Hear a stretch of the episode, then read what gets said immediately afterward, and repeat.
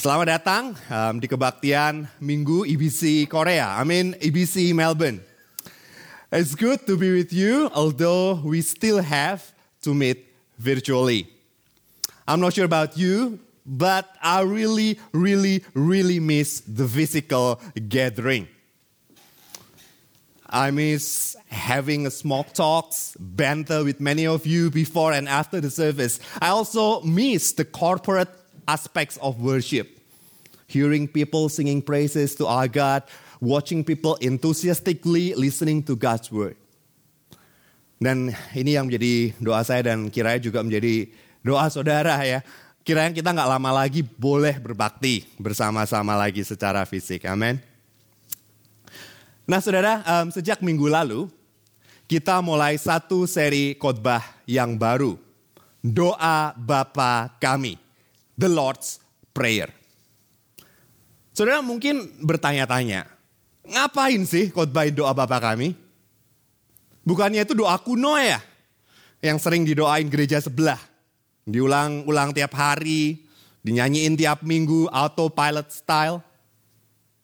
Repetitif, boring mantra. Ya, mantra itu spell, kalimat yang diulang-ulang ya, bukan nama hotel. Bukannya doa itu harusnya ngeflow aja. Bebas, jujur, ekspresif. Nah, kalau gitu ngapain sih kita repot-repot belajar doa? Kenapa nggak langsung aja ngomong apa yang ada di pikiran kita kepada Tuhan? Beres kan? Ini saudara, um, kalau kita mau jujur, Bukankah sering kali doa kita juga sering ulang-ulang? Seakan tanpa arti. Isn't that our prayer often as repetitive and as meaningfully recited as those who recite the Lord's Prayer? Kita punya fixed pattern. Kita mulai dengan Tuhan, aku pengen ini dan itu. Dan kita akhiri dengan please do it, thank you. Tiap hari berulang-ulang. A couple years ago, I have an interesting conversation with a pastor. Gitu ya ceritanya bareng sama teman-teman yang lain kita lagi diskusi nih. Kenapa sih gereja um, pastor ini nggak ada pengakuan dosa, nggak ada pengakuan iman rasuli dan nggak ada doa bapak kami dalam kebaktian minggunya. Dengan semangatnya Pak Pendeta bilang gitu ya, oh nggak perlu itu, nggak perlu. Ngulang-ngulang, nanti jadinya rutin. Nggak ada artinya jemaat bakal bosen. Saya mikir, hmm ada benernya juga lah ya.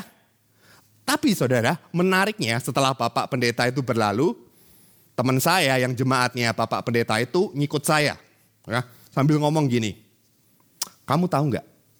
Tiap minggu sebelum khotbah, Pak Pendeta itu doanya itu-itu terus. Sama terus. Dan ternyata benar saudara, berapa kali saya dengar khotbah beliau di internet, saya bisa nebak kira-kira beliau mau doa apa sebelum khotbah. Saudara, kita sering kali bilang, oh doa itu harus freestyle, harus bebas, kayak bebas, kayak renang gitu kan ya. Tapi kenyataannya, we don't really do that. Kita terjebak dalam rutin. Doa yang itu-itu saja. Yang kita ucapkan sering kali tanpa arti. We don't always share what's in our heart to the Lord. Sometimes we even stuck without words to say. Gak ngerti mau doain apa. Gak ngerti mau ngomong apa sama Tuhan. Dan akhirnya kita nyerah. Kita berhenti berdoa. Karena apa? Karena krik-krik. Karena nggak tahu mau doain apa. Benar nggak saudara? Saudara, saya rasa doa itu nggak mudah. Nggak mudah bukan? Dan kalau saudara menganggukkan kepala, saudara nggak sendirian. Saya pun demikian. Dan bahkan banyak ahli teologi dan hamba Tuhan pun yang dengan jujur mengaku gitu. Doa tuh nggak gampang. Bahkan saudara, murid-murid Yesus yang sudah lama bersama-sama dengan Yesus dan punya privilege, punya kesempatan untuk melihat Yesus berdoa, punya kesempatan untuk mendengarkan Yesus berdoa pun masih minta diajarin doa. Saudara bisa lihat ya Lukas 11 ayat 1 sampai 2. Di situ ceritanya Yesus lagi berdoa di satu tempat yang sepi dan murid-muridnya memperhatikan dia berdoa. Lalu mereka bertanya kepada Yesus, "Oh, Yesus, ajari kami berdoa." Dan seketika itu, Yesus mengajarkan mereka doa Bapa kami. Saudara perhatikan, Yesus nggak menganggap remeh pertanyaan mereka. Yesus nggak jawab, bercanda kau Bambang. Doa aja nggak bisa. Tinggal ngomong kan, gitu aja kok repot. Minta diajarin segala, ngabisin waktu. Yesus nggak ngomong seperti itu. Tetapi dengan serius, Yesus mengajarkan mereka berdoa. Doa Bapa kami. Karena itu saya rasa kita pun perlu belajar berdoa. Terutama kalau kita itu orang Kristen baru. Terutama kalau kita itu merasa struggling, susah untuk berdoa. Terutama kalau saudara sama seperti saya sering bingung, kita mau doain apa sih? Terutama kalau kita semua ingin memperkaya kehidupan doa kita. Dan saya rasa nggak ada yang lebih baik bukan daripada belajar dari doa yang Tuhan sendiri ajarkan. Oke, mari kita buka bersama-sama Matius 6 ayat 9 sampai 13 ya. Kita buka Matius 6 ayat 9 sampai 13. Di situ Yesus mengajarkan doa Bapa kami. Dan Yesus mengajarkan doa Bapa kami sebagai sebuah model. Ya, sebuah pattern, sebuah pola untuk diikutin. Ya, jadi kalau sudah perhatikan baik-baik, ini bukan suatu mantra doa, suatu doa fix yang harus diucapkan secara perbatim kata demi kata. Karena di ayat 9a itu dikatakan bahwa berdoalah demikian. Ya, Yesus nggak bilang berkatalah berdoalah ini, tapi Yesus berkata berdoalah demikian. Pray like this, ya, rather than pray this prayer always and every time. Dan tentunya nggak salah ya kalau kita mau doakan ini secara perbatim kata demi kata seperti gereja sebelah. That's fine, nothing's wrong with it.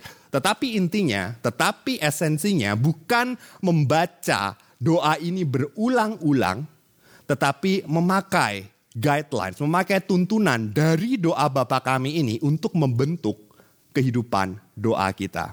Ya, we can go through the prayer slowly every day. We can repeat its clause thoughtfully, reflectively. Kita bisa mendoakannya dengan kalimat kita sendiri. Kita bisa mendoakan pergumulan kita seputar setiap permintaan yang ada dalam doa Bapa kami ini. Saudara tahu tujuannya apa? Supaya kita supaya kita yang mendoakan sehari-hari sesuai dengan prioritas yang Yesus tekankan dalam doa ini. Ketika kita mengikuti tuntunan dari doa Bapa kami, doa kita dibentuk, di-shape berdasarkan prioritas yang Yesus ajarkan. Dan saudara tahu apa yang akan terjadi? Dengan begitu, hidup kita pun akan sesuai dengan rencana Allah.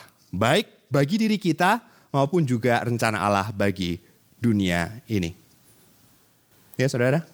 Saudara sering kali itu um, gimana ya, um, kita tuh berpikir doa itu curahan hati kita. Keluar dari hidup kita, pergumulan kita. Dan itu betul. Doa adalah ekspresi dari iman kita bukan? Tapi sering kali kita juga lupa bahwa doa itu juga membentuk hati kita. Apa yang kita pikirkan, apa yang kita doakan itu membentuk dan mengubah hidup kita. Jadi prayer is both expressive and educative in purpose. Karena itu, yuk kita doa Bapa kami. Sehingga doa ini tuh bisa mengarahkan hidup kita kepada kehidupan kerajaan Allah. Orients us to the life of the kingdom of God. Mungkin saya kasih gambarannya dikit gitu ya. Konon saudara, konselor pernikahan itu menganjurkan pasangan yang sudah menikah itu untuk berkata I love you setiap hari. I love you setiap hari. Tentunya bisa ya saudara, seorang suami mengulang-ulang I love you tiap hari sebagai mantra yang diucapkan tanpa arti. Bisa, nggak perlu mikir asal istri happy. Bisa?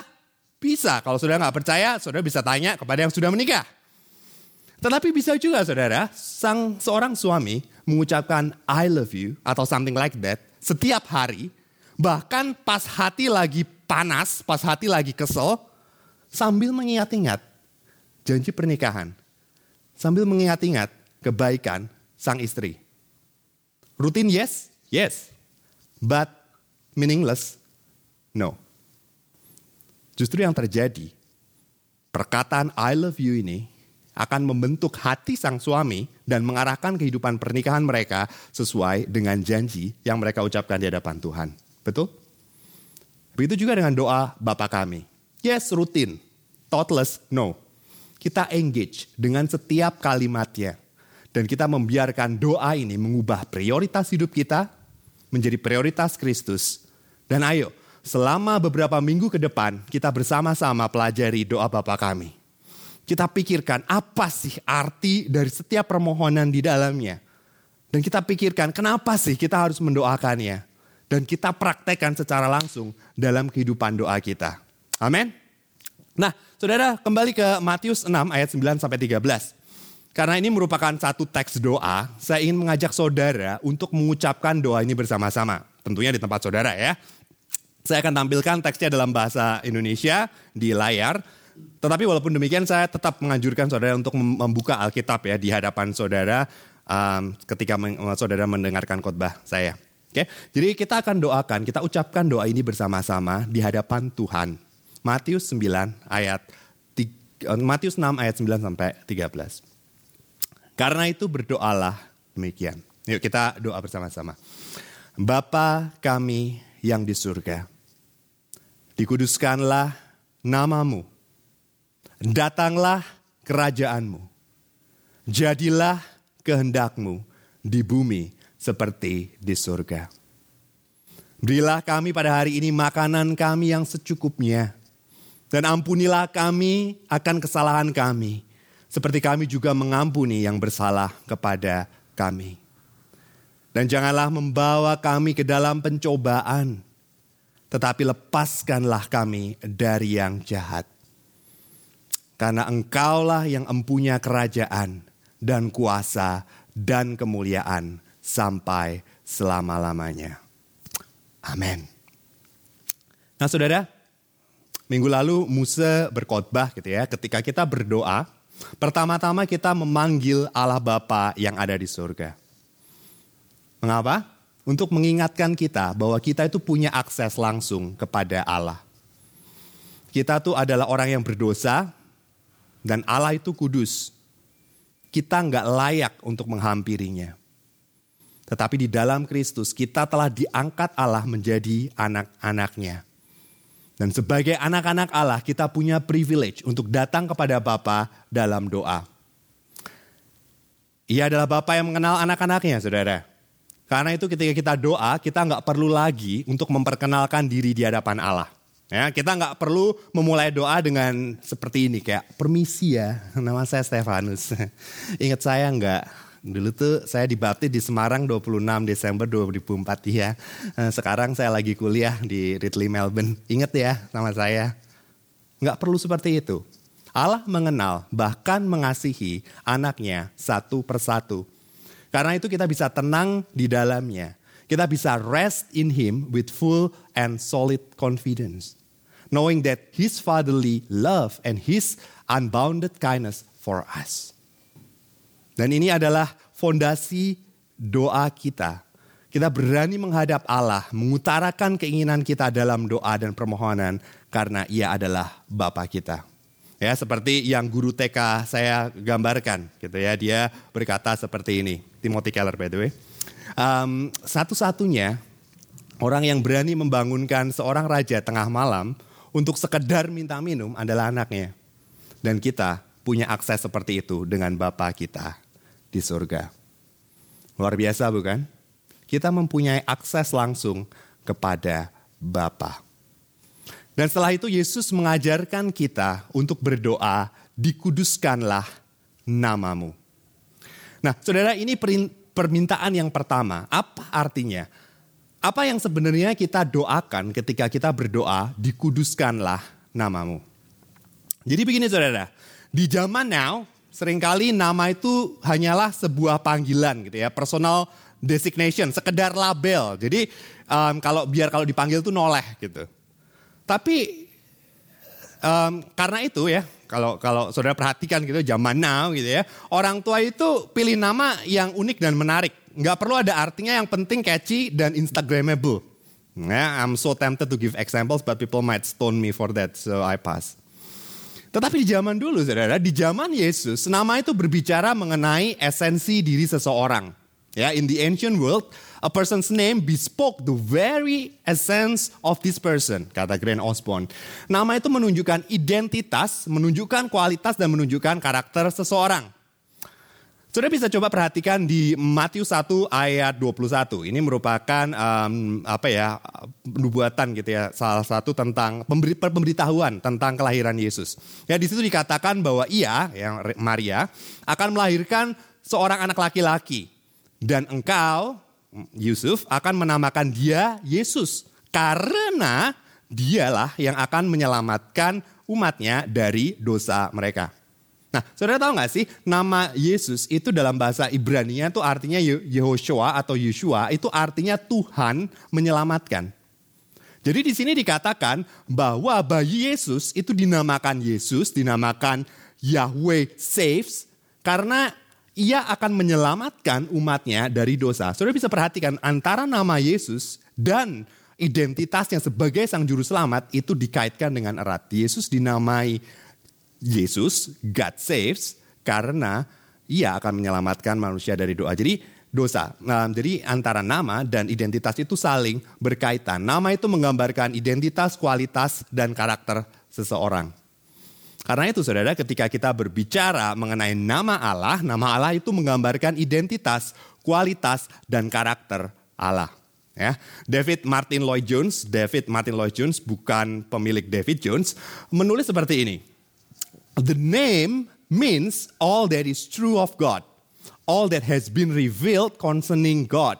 It means God in all his attributes, God in all that he is, in and of himself, and God in all that he has done, all that he is doing. Jadi David Martin Lloyd Jones dia berkata seperti ini bahwa nama Allah itu menunjukkan segala sesuatu yang benar tentang Allah, segala sesuatu yang diungkapkan mengenai Allah.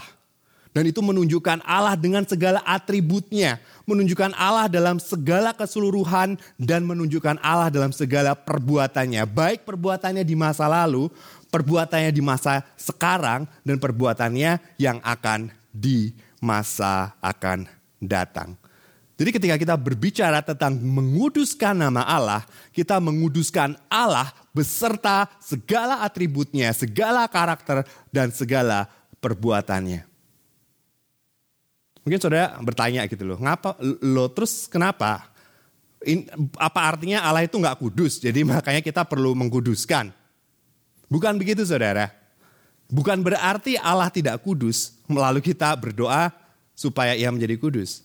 Gambarannya begini saudara. Saudara punya um, uang 50 dolar note nggak? Tadi saya rencananya mau bawa, cuman saya lupa. Um, 50 dolar note itu berharga bukan? Berharga dong ya. Emang nggak bisa beli berlian sih, tapi bisa lah beli 12 cups of coffee. It has an inherent value of 50 bucks. Saudara suka nggak suka? Saudara treat it as valuable or not? Saudara mau masukin kantong? Saudara mau injak-injak? Saudara mau buang ke toilet? Nilainya tetap sama, 50 dolar. Begitu juga dengan Tuhan. He has an inherent worth. God is infinitely majestic and glorious. Nah, kalau demikian, apa artinya ketika kita berdoa, dikuduskanlah namamu? Dan ketika saya pelajarin, ada dua hal, ya dua makna yang terkandung dalam kalimat dikuduskanlah namamu ini. Jadi yang pertama, kita itu meminta supaya Allah menunjukkan kekudusannya di seluruh dunia dan termasuk di dalam hati kita. We are asking God to manifest His holiness throughout the world, including in our own hearts. Ketika kita berdoa, dikuduskanlah namamu, kita meminta Tuhan tunjukin kekudusanmu di seluruh dunia, termasuk di dalam hatiku. Begini saudara, Tuhan itu Allah yang kudus, Allah yang mulia, Allah yang berkuasa. Saudara tahu itulah ya. Tetapi dunia ini sudah jatuh ke dalam dosa, termasuk kita. Dan dosa itu membutakan mata kita akan kekudusan, kemuliaan, dan keagungan Tuhan. Kita itu bisa melihat, tetapi kita tidak bisa melihat. Because we are blinded by sin. Alam semesta ini menunjukkan karakter Tuhan. Sudah bisa baca di Roma 1. Tetapi manusia menolaknya. Kita nggak mau melihat, kita nggak bisa melihat itu semua. Dan saudara bisa melihat bukan di mana-mana gitu ya. Orang-orang bahkan kita sendiri sering kali menghina dan melecehkan Allah bukan? Sudah pernah dengar nggak ada orang yang ngomong kayak gini? Bener nggak sih Allah itu maha kuasa? Bisa nggak Allah membuat batu yang besar banget sampai dia nggak bisa mengangkatnya? Kalau bisa, berarti dia nggak maha kuasa dong. Nah, kan dia nggak bisa ngangkat batu besar. Kalau nggak bisa, ya berarti dia nggak maha kuasa dong. Atau mungkin saudara sering dengar dari teman kuliah atau teman kerja saudara swearing pakai nama Yesus ya kan. Nama Yesus di tempat kerjaan itu paling sering keluar dalam bentuk swearing, bukan dalam bentuk pujian. Manusia karena dosa itu tidak bisa melihat keberadaan Allah, apalagi sifat dan perbuatannya. Karena itu ketika kita berdoa dikuduskanlah namamu, kita itu berdoa supaya Allah itu yang mencelikkan mata kita. Of course terutama mata kita. Tetapi juga mata orang-orang di seluruh dunia agar kita itu bisa melihatnya. Supaya Tuhan sendiri bekerja mengatasi ketidakpedulian manusia. Our ignorance towards Him. Seperti yang tadi kita nyanyiin, open the eyes of my heart. Ketika kita ber, ber, berdoa, dikuduskanlah namamu. Kita minta Tuhan membuka mata kita. Dan tentunya saudara bagi kita yang sudah percaya di dalam Kristus kita sudah mulai sedikit demi sedikit melihat keagungannya, kemuliaannya, dan kesetiaannya. Betul saudara? Tapi kita tuh mau, mau terus berdoa supaya kita bisa melihat lebih jelas lagi dan lebih jelas lagi. Kita kita berdoa dikuduskanlah namamu. Kita berdoa supaya Tuhan sendiri yang menyingkirkan segala rintangan yang membuat kita itu susah untuk mengenal, untuk mengagumi, untuk menghargai, untuk mengasihi, dan untuk percaya kepadanya. Ketika kita berdoa di kudus kalah namamu, kita berdoa meminta Tuhan membukakan mata kita so that we can treasure Him. That we can treasure Him above all things. Itu makna yang pertama, kita meminta Allah untuk menunjukkan kekudusannya di seluruh dunia, terutama di dalam hati kita. Dan yang kedua, kita berdoa supaya kita boleh memuliakan namanya di tengah dunia dalam setiap perkataan dan perbuatan kita. We are asking God that we may honor His name before the watching world in everything that we do. Saudara, nama Bapak kita atau nama keluarga itu bisa semakin dimuliakan atau semakin dipermalukan oleh perbuatan kita. Betul? Ya, saya kira kita semua orang Asia kita tahu itu. Ini prinsip hidup kita, jangan mempermalukan nama keluarga. So we know this. Our deeds either honor or shame our parents. Ya. Nah, saudara saya cerita dikit nih. Pas kecil tuh saya bandel banget. Nah ini fotonya, sudah bisa lihat. Ciki banget kan? Nah, saudara, saking nakalnya, samar-samar tuh saya pernah inget gitu ya mau dimasukin ke sekolah asrama anak-anak nakal. Bahkan saya masih ingat itu kita udah sampai survei, survei lapangan gitu. Saya nggak inget sih kenapa akhirnya nggak jadi. Tapi setiap orang tuh ngeliat saya bandel gitu. Dan setiap kali orang lihat saya bandel, saudara tahu nggak siapa yang kena? Ini mama papa saya. Orang-orang pada mulai bilang kan seperti biasa Indonesia kan. Orang tua sekolahan tapi nggak bisa didik anak. Sampai anaknya bandel kayak setan. Ya kan? Seperti itu. Padahal sebenarnya siapa yang nakal? Saya kan, yang kena nama mama papa saya yang dipermalukan. Dan begitu juga sekarang. Sudah lebih nggak nakal. Sudah bisa khotbah. Nama papa mama saya juga yang dipermuliakan. Wah, om tante hebat ya. Anaknya sudah bisa membawakan firman Tuhan. Padahal sebenarnya yang rekosos kuliah dan yang lelean siapin khotbah sampai malam kan ya saya toh. Tapi nama papa mama saya yang dipermuliakan. Perbuatan kita akan mempermalukan atau mempermuliakan nama Allah Bapa kita di surga. Karena itu ketika kita berdoa, dikuduskanlah namamu. Kita itu berdoa supaya kita itu boleh taat kepada Allah dalam setiap perkataan dan perbuatan kita sehingga terang kita percaya. Ini um, kalimat dari Matius 5 ayat 16. Supaya terang kita bercahaya di depan orang. Dan orang-orang melihat perbuatan kita yang baik dan mempermuliakan Bapa di sorga. Jadi yang pertama supaya Tuhan membuka mata hati kita. Supaya kita bisa melihat kekudusan Tuhan. Kita bisa melihat Tuhan bersama dengan karakter dan atributnya. Dan yang kedua, kita bisa hidup dalam perkataan dan perbuatan kita yang mempermuliakan nama Tuhan. Nah, saudara bisa melihat kaitannya antara yang pertama dan kedua, bisa nggak? Ada kaitannya, saudara. Ketika mata kita dicelikkan, ketika kita melihat kekudusan, kemuliaan, keajaiban Tuhan, ketika kita bisa menghargai Tuhan lebih dari segala yang ada, kita akan ada kerinduan di dalam hati kita untuk hidup kudus untuk mempermuliakan namanya di tengah dunia. Menjadi saksi Kristus bukan sesuatu hal yang memberatkan. Karena apa? Karena di dalam hati kita muncul dorongan. Dalam hati kita muncul kerinduan, muncul keinginan. Supaya lewat hidup kita, lewat perkataan dan perbuatan kita, orang yang dulunya meremehkan Tuhan jadi berbalik memuji Tuhan Orang yang dulunya mencemooh Yesus berbalik dan menghargai Yesus.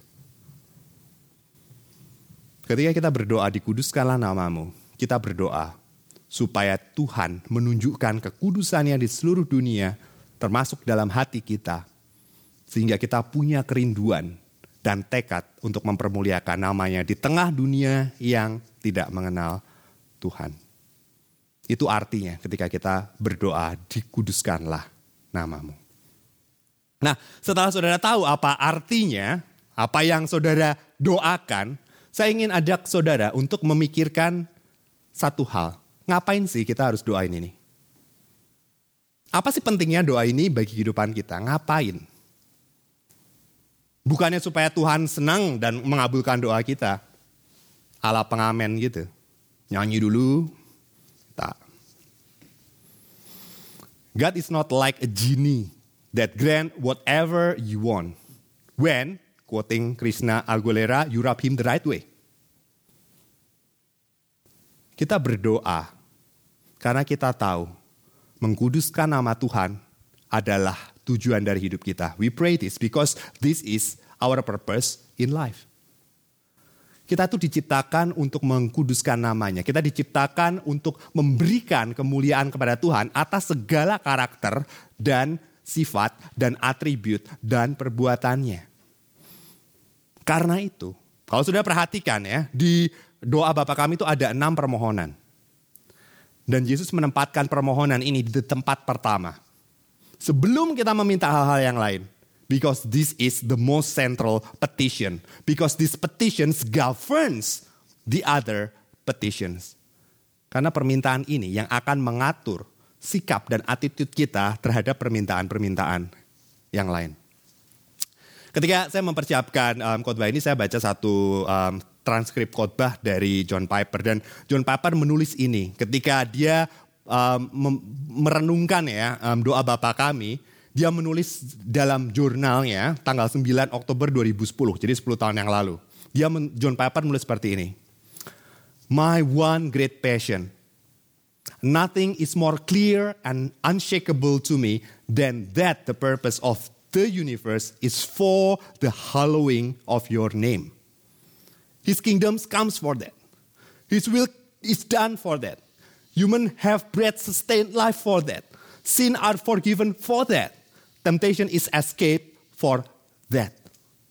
Semua yang kita minta itu, kita minta dengan purpose supaya nama Tuhan dipermuliakan dalam hidup kita dan di dalam dunia ini. Saudara tahu nggak? Ketika kita tuh minta nama Tuhan dikuduskan dalam hidup kita, kita itu mengarahkan hidup kita kembali kepada Allah. Ya, kita itu sibuk, kita itu busy. We have a lot of things to do.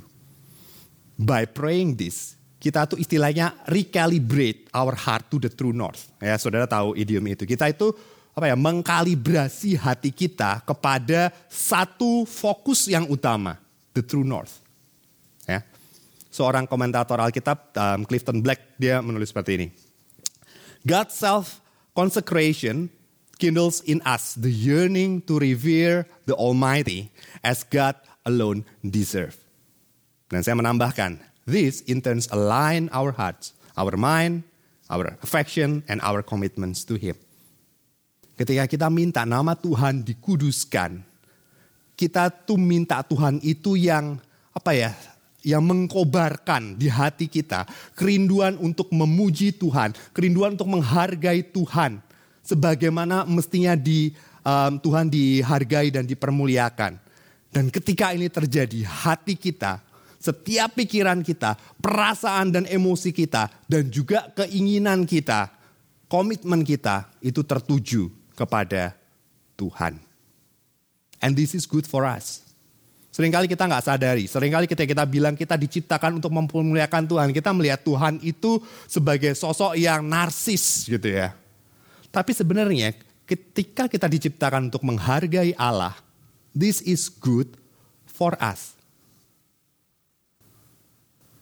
Kok bisa? Begini saudara, kita hidup di dunia yang sangat bising. ya. Begitu banyak hal di dunia ini yang mencoba menarik perhatian kita. Ya, dari pekerjaan, keluarga, politik, media sosial, dan hiburan dalam berbagai bentuk. Dan ketika hal tersebut itu bertata di dalam hati kita, hidup kita akan hancur. Ya, kita akan menjadi sibuk mencari kepastian di tengah dunia yang penuh ketidakpastian. Jadinya apa? Frustrasi bukan? Kita mengejar kenikmatan yang hanya bertahan sementara. Sudah tahu apa yang terjadi? Kita bosan, kita jenuh, kita frustrasi. Kita mencari penghargaan dari orang yang mengejar kepentingan sendiri. Kita akan semakin merasa di neglect, di ignored. Dan cepat akan cepat atau lambat ya. Dan seringnya perlahan-lahan hidup kita akan jadi berantakan. Hanya ketika hidup kita itu berpusat kepada Dia, everything to will come into place. Jadi petition ini, permintaan ini itu yang set the tone for other petition. Without orienting ourselves to God, His characters and attributes, other petitions will somewhat become meaningless. Jadi kalau kita nggak mengorientasikan hati kita dan hidup kita kepada Tuhan, permintaan-permintaan yang lain itu jadinya meaningless, nggak berguna, nggak menghasilkan sesuatu yang baik buat kita. Saya kasih satu contoh, ya. Saudara, sering kali bukan ya di dalam doa kita ketika kita berdoa tiap hari ya, maksudnya di dalam saat teduh kita, bukannya kalau misalnya lagi cari parkir, kita nggak perlu doa Bapak kami untuk cari parkir, kita bilang Tuhan minta spot parkir, that's fine gitu ya. Anyway sekarang parkir banyak sih, nggak ada orang keluar. Jadi sering kali dalam doa kita, kita tuh langsung terjun pada permintaan-permintaan. Bahkan kita minta dengan permintaan-permintaan yang sangat detail. Ya, kita doa, Tuhan biarlah rata-rata kasus COVID per hari turun menjadi 5 kasus selama 14 hari. Tuhan, sekarang baru hari kelima sudah ada 53 kasus. Jadi Tuhan biarlah 11 hari ke depan kasusnya turun menjadi 1,89 kasus per hari. Supaya saya bisa potong rambut. Nah saudara tahu apa yang terjadi ketika kita berdoa seperti ini?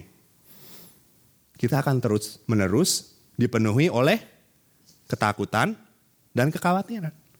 Kita lihat news pagi ini. Wah nambah 12. Berarti Tuhan belum menjawab doa kita.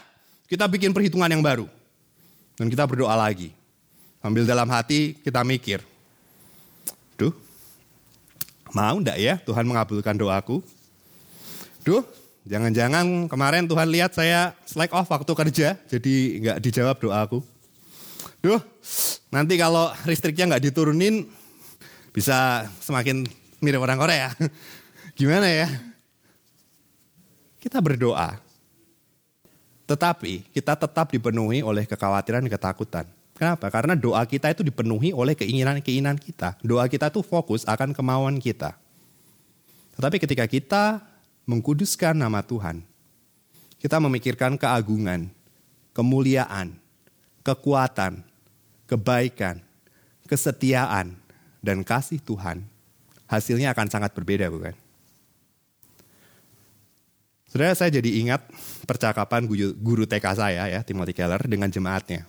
Jadi ceritanya itu um, tim Keller lagi khotbah gitu ya dari um, dari doa Bapa kami bagian ini, dikuduskanlah namamu. Um, jemaatnya mendengar gitu ya dan setelah um, jemaat ini mendengar dan mempraktekannya selama satu minggu ke depan dia balik ke ke Keller gitu. Dia ngomong gitu, you have changed my whole life. You have changed my whole life. Kau mengubah hidupku. Gini loh. Sekarang aku tuh saya tuh banyak memuji Tuhan ketika berdoa. It seems to put things into perspective. Ketika saya mulai menaikkan permohonan kepada Tuhan, saya jadi nggak khawatir. Tuhan bakal jawab iya atau enggak. Tetapi saya bisa tenang dan menyerahkan segala sesuatunya kepada Tuhan. Benar bukan? Ketika kita tenggelam di dalam kemuliaan Allah, hati kita diluruskan. Hati kita dikembalikan fokusnya kepada Tuhan. Dan kita bisa menyerahkan segala sesuatunya kepada Bapa di surga yang kudus, yang mengasihi kita, dan yang memberikan yang terbaik bagi kita. Ketika kita fokus pada permintaan kita, Apa pun itu, walaupun kadang permintaan yang baik. Ketika kita being consumed by it, dan kita lupa akan tujuan kita hidup. Kita lupa akan kemuliaan Tuhan, keagungan kasih, dan um, kesetiaan Tuhan. Hidup kita akan hancur. Hidup kita akan ditarik oleh begitu banyak perasaan yang negatif. Kekhawatiran, ketakutan, dan lain sebagainya. Bagian favorit saudara, bagian terakhir. Bagaimana sih kita secara praktis kita bisa berdoa dikuduskanlah namamu. Nah, saudara, seperti yang tadi kita bahas, intinya tuh bukan mengulang-ulang dikuduskanlah namamu, dikuduskanlah namamu, dikuduskanlah namamu. Intinya di sini bahwa kita itu rindu agar Tuhan membuka mata kita supaya kita melihat karakter dan perbuatannya. Supaya kita bisa mempermuliakan namanya dengan perbuatan kita. Supaya hidup kita berpusat kepadanya. Nah, secara prakteknya gimana? Ini yang biasa saya lakukan. Kalau saudara nggak perlu melakukan ini secara persis, saudara bisa memodifikasi. But this is how I normally um, do it. First, um, call into mind one particular character or attribute of God. Jadi saudara coba ingat-ingat gitu ya, satu aja karakter, sifat dan perbuatan Allah yang Allah um, tunjukkan ya dalam firman-Nya. Misalnya saudara bisa ingat gitu ya, Tuhan adalah Jehovah Jireh, Tuhan adalah Allah yang menyediakan. Saudara bisa ingat itu dan saudara bisa renungkan. Atau saudara ingat satu karakter Tuhan yang lain. Tuhan adalah Allah yang murah hati. Um, Allah yang panjang sabar. Atau saudara bisa um, pikirkan bahwa Tuhan itu adalah Allah yang setia.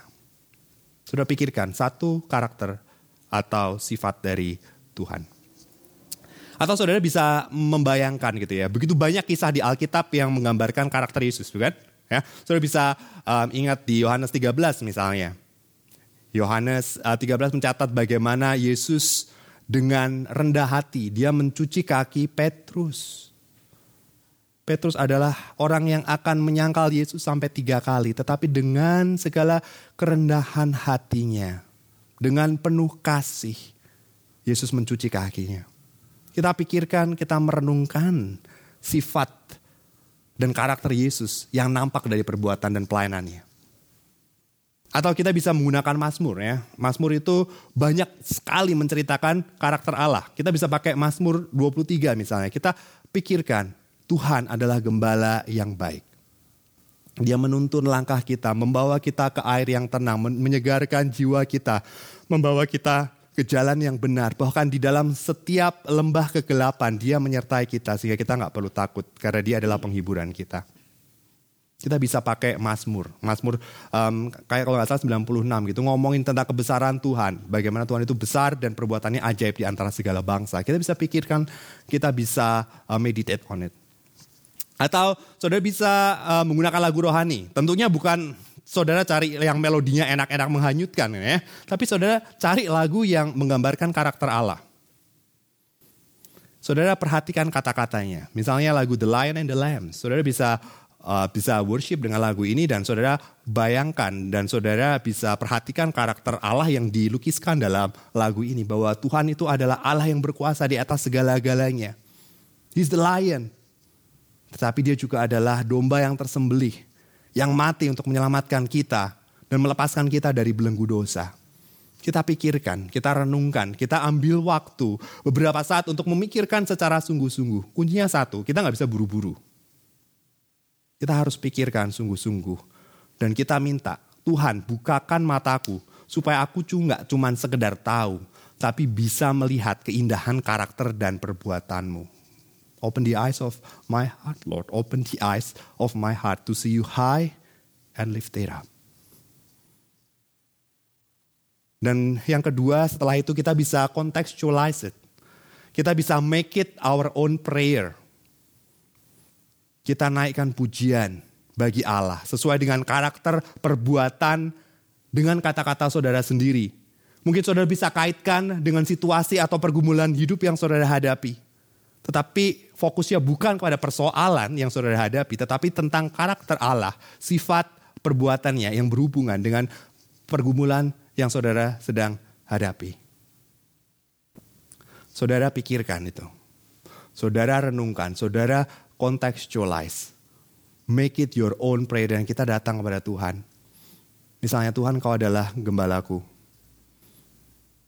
Di dalam segala kesusahan, dalam segala kesesakan di dalam pandemi ini, aku tahu engkau tetap akan menuntun aku ke arah yang benar.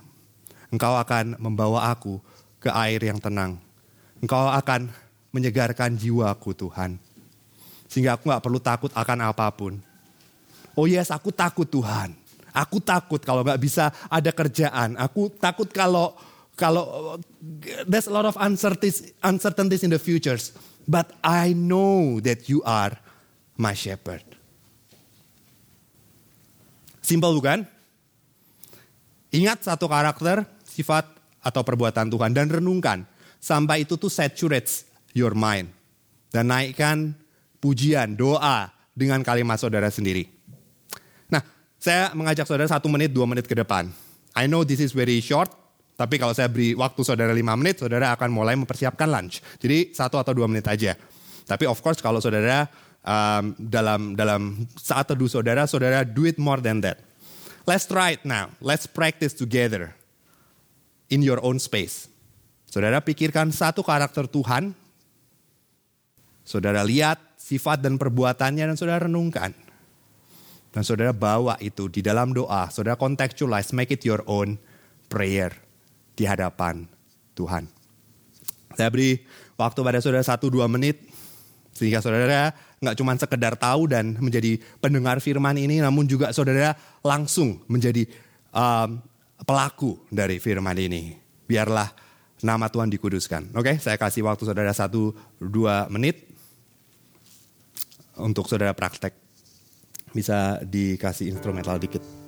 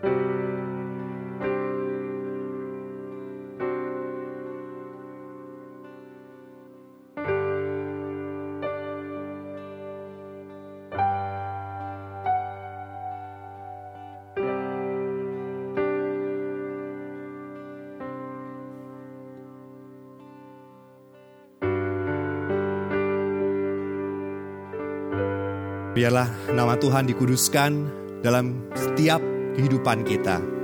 Biarlah nama Tuhan dikuduskan di seluruh bumi.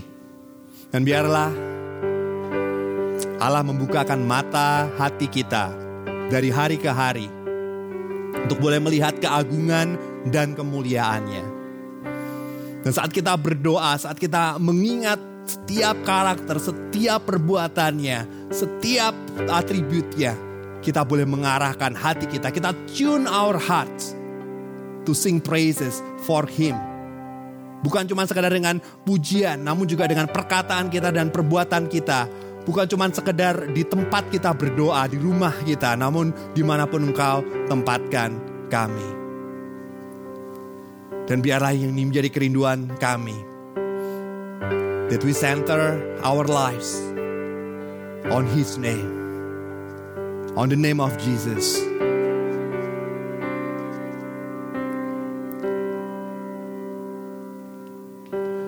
Turn my eyes to see you, Jesus, in all your glory. Turn my eyes, tune my heart to sing in wonder of how you love me. Tune my heart. Oh, my God, forever you reign, here and now, hear the song of your name. Jesus, there is none more beautiful than Jesus. There is none more powerful. The risen Christ lifted high. Jesus now be glorified. Center my life on your name. Center my life on your name.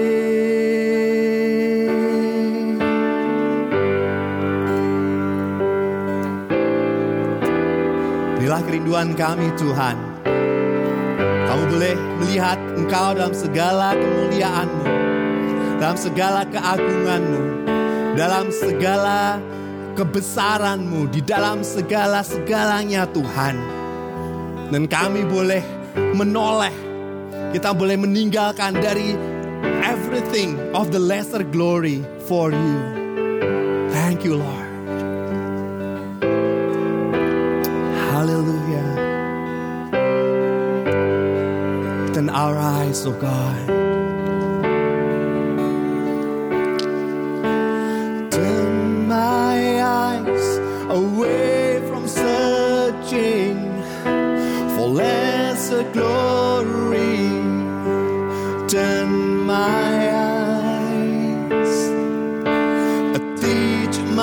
Heart with all your wisdom to live for heaven. Teach my heart,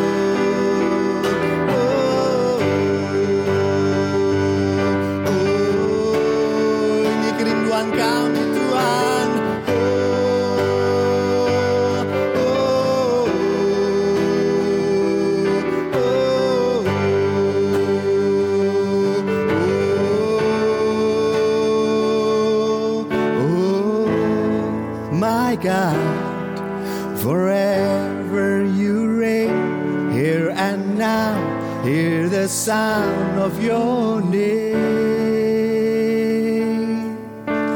Jesus, there is none more beautiful than Jesus.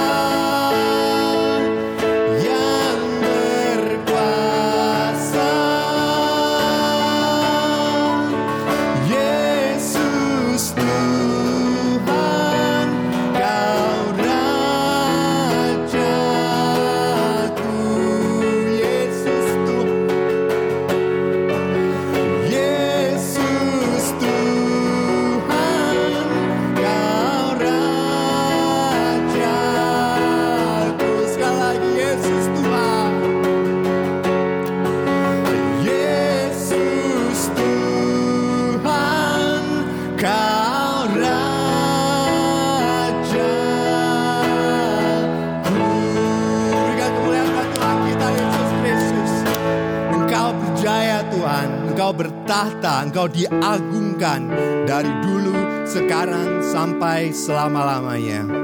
Biarlah namamu dikuduskan Tuhan, biarlah namamu ditinggikan di seluruh dunia dan di dalam hati kami. Sehingga kami nggak cuma sekedar tahu, kami bisa melihat keindahanmu, keagunganmu, kebesaranmu, kemuliaanmu.